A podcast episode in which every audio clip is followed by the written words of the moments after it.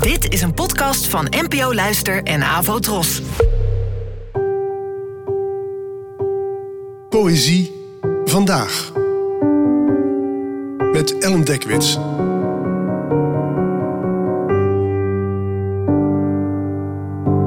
Hallo, fijn dat je luistert.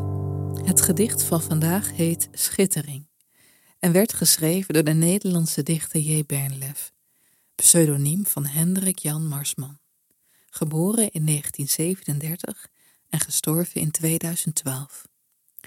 Het is een van de liefste gedichten over verlegenheid die ik ken. Een lofzang op de schuwen, een kleine ode aan de teruggetrokkenen.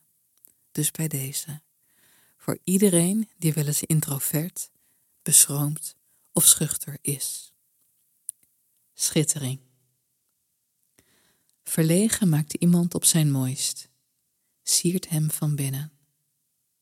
Verstrikt in aarzelingen houdt hij het schichtig voor gezien.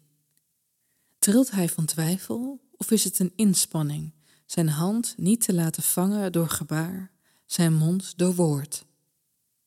Door afwezigheid schittert hij even. Dan kiest hij opnieuw zijn naam en stelt zich handen schuddend voor.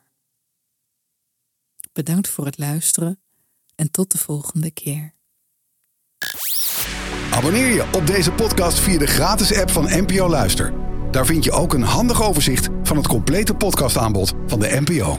Afro Tros, de omroep voor ons.